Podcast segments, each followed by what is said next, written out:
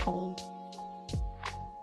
Salamlar əkizlər. Bugünkü videomuzun mövzusu şəkər niyə ən zərərli qidalardan biridir. Ümumi olaraq şəkərin nə qədər zərərli olduğunu böyük ehtimalla deməyə ehtiyac yoxdur. Yəni bunu artıq demək ki, hər bilir. Əsasən ümumi olaraq isə ağ maddələr, yəni bura un, duz, ümumi ağ olan şeylər ağ öldürür deyə də bir ifadələr də mədaci mənada sözsüz istifadə olunur. Yəni bu üç şey əsasən də şəkər, un, duz bizim sağlamlığımız üçün çox zərərlidir. Sözsüz ki, burada miqdar da asılıdır, çünki duz müəyyən qədər ehtiyacımız olan bir şeydir, amma un məlumatları və şəkərin demək ki, heç ehtiyacımız olmayan əsasən suni şəkər. Yenə e, meyvələrin tərkibində olan fruktoz dediyimiz daha nisbətən təbii şəkərlər müəyyən qədər bədənimizdə sözsüz ki, ehtiyacı vardır, amma sırf o ağ şəkər, yəni suyun olaraq hazırlanan insan özünün hazırladığı şəkər bədənimizə heç bir fayda vermir, sadə və sadə zərər verir. Bunun bir çox səbəbi var, əsasən şəkərin zərərləri odur ki, şəkər bizi piyləndirir. Əsasən də vacib olan orqanlarımızı bu piyləndirir. Əsasən məsəl üçün göbək altı qarnımızda olan piyin əsas mənbəyi çox zaman şəkər olur. Buna məsəl qaraciyərdə yağlanmalar bir çox digər əlavə zərərləri də gətirib çıxardır. Əslində bu çox zərərin olmasının bir növ səbəbi də odur ki, artıq şəkəri hər yerə qatırlar. Əvvəl bəlkə müəyyən qədər əvvəl dediyim lap tariximizdə qayıdaq. Yəni çox ilk insanlara və sair qayıtsaq, həmin vaxtlarda şəkər tozlu olmayan dövrlərdə insanlar sadə şəkəri qidalardan ala bilirdilər. Hansı ki, yəni təbiətdə olan meyvələrdən və s. Amma artıq günün sonunda bu dəqiqə duzlu yediyimiz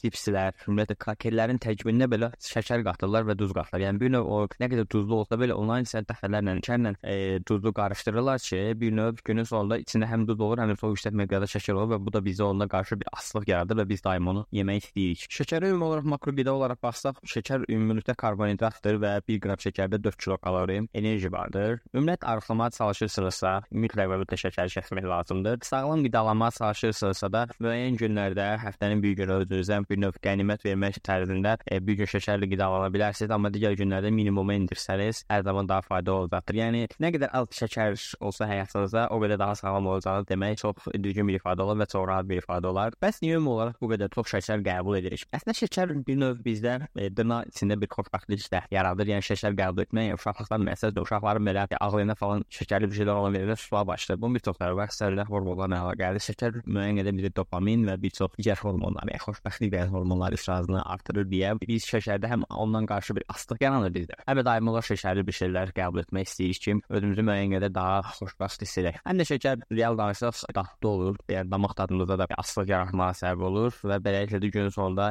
istər-istəməz çox yüksək miqdar şəkər qəbul edirik və demək olar ki, kökəlməklərdə, yəni artıq kalori çox böyük hissəsi şəkərdə olur. Mən belə məsəl üçün əgər müəyyən dövrlərdə şəkərli qidaları, və şirniyyatları pəhrizimdən sarıqda artıq demək olar ki, bütün çəkimə rahatlıqla nəzarət edə bilirəm. Yəni sırf bu iki şeyi həyatımızda çıxartmaq demək olar ki, bir çox çəki problemlərimizin də həll olmasına gətirib çıxardacaq. Bir tərəfdən şəkər bizi xoşbəxt edir dedim, amma uzun müddətdə baxsaq məsələ sözsüz ki, günün sonunda bizə zərər verdiyinə görə əslində bizim depressiyaya düşmə, depressiyaya düşməyə bundan əlavə olaraq da özümüzü pis etmək. Çünki bədənimiz bir növ ona biz ona nə versə bədənimiz onu bizə reaksiya olaraq geri qaytarır. Yəni pis qidalanırsa avtomatik olaraq bizi özümüzü daha da pis etməyə, pis hiss etməyə başlayırıq. Çünki xoşbəxtlik hormonlarımızdan biri olan serotonin sırf bağırsaqlarımızda ifraz olunur və ümumi olaraq qidalanmamızla və ya həzm prosesimizlə müəyyən bir problemlər varsa, bu sırada bizim əhval-ruhiyyəmizə təsir edir. Çünki hormonlarımız düzgün ifraz olunmursa, artıq özünü daha neqativ və daha depressiv hiss etməyə başlayırıq. Ona görə hər zaman çalışın qidalanmanız düzgün olsun ki, özünüzdən də daha da xoşbəxt hiss edə biləsiniz. Bir də bəzi şəkərlər var ki, bu bəyaz e, ağ şəkərlər deyim, yəni bəyaz şəkər. Bunun əvəzinə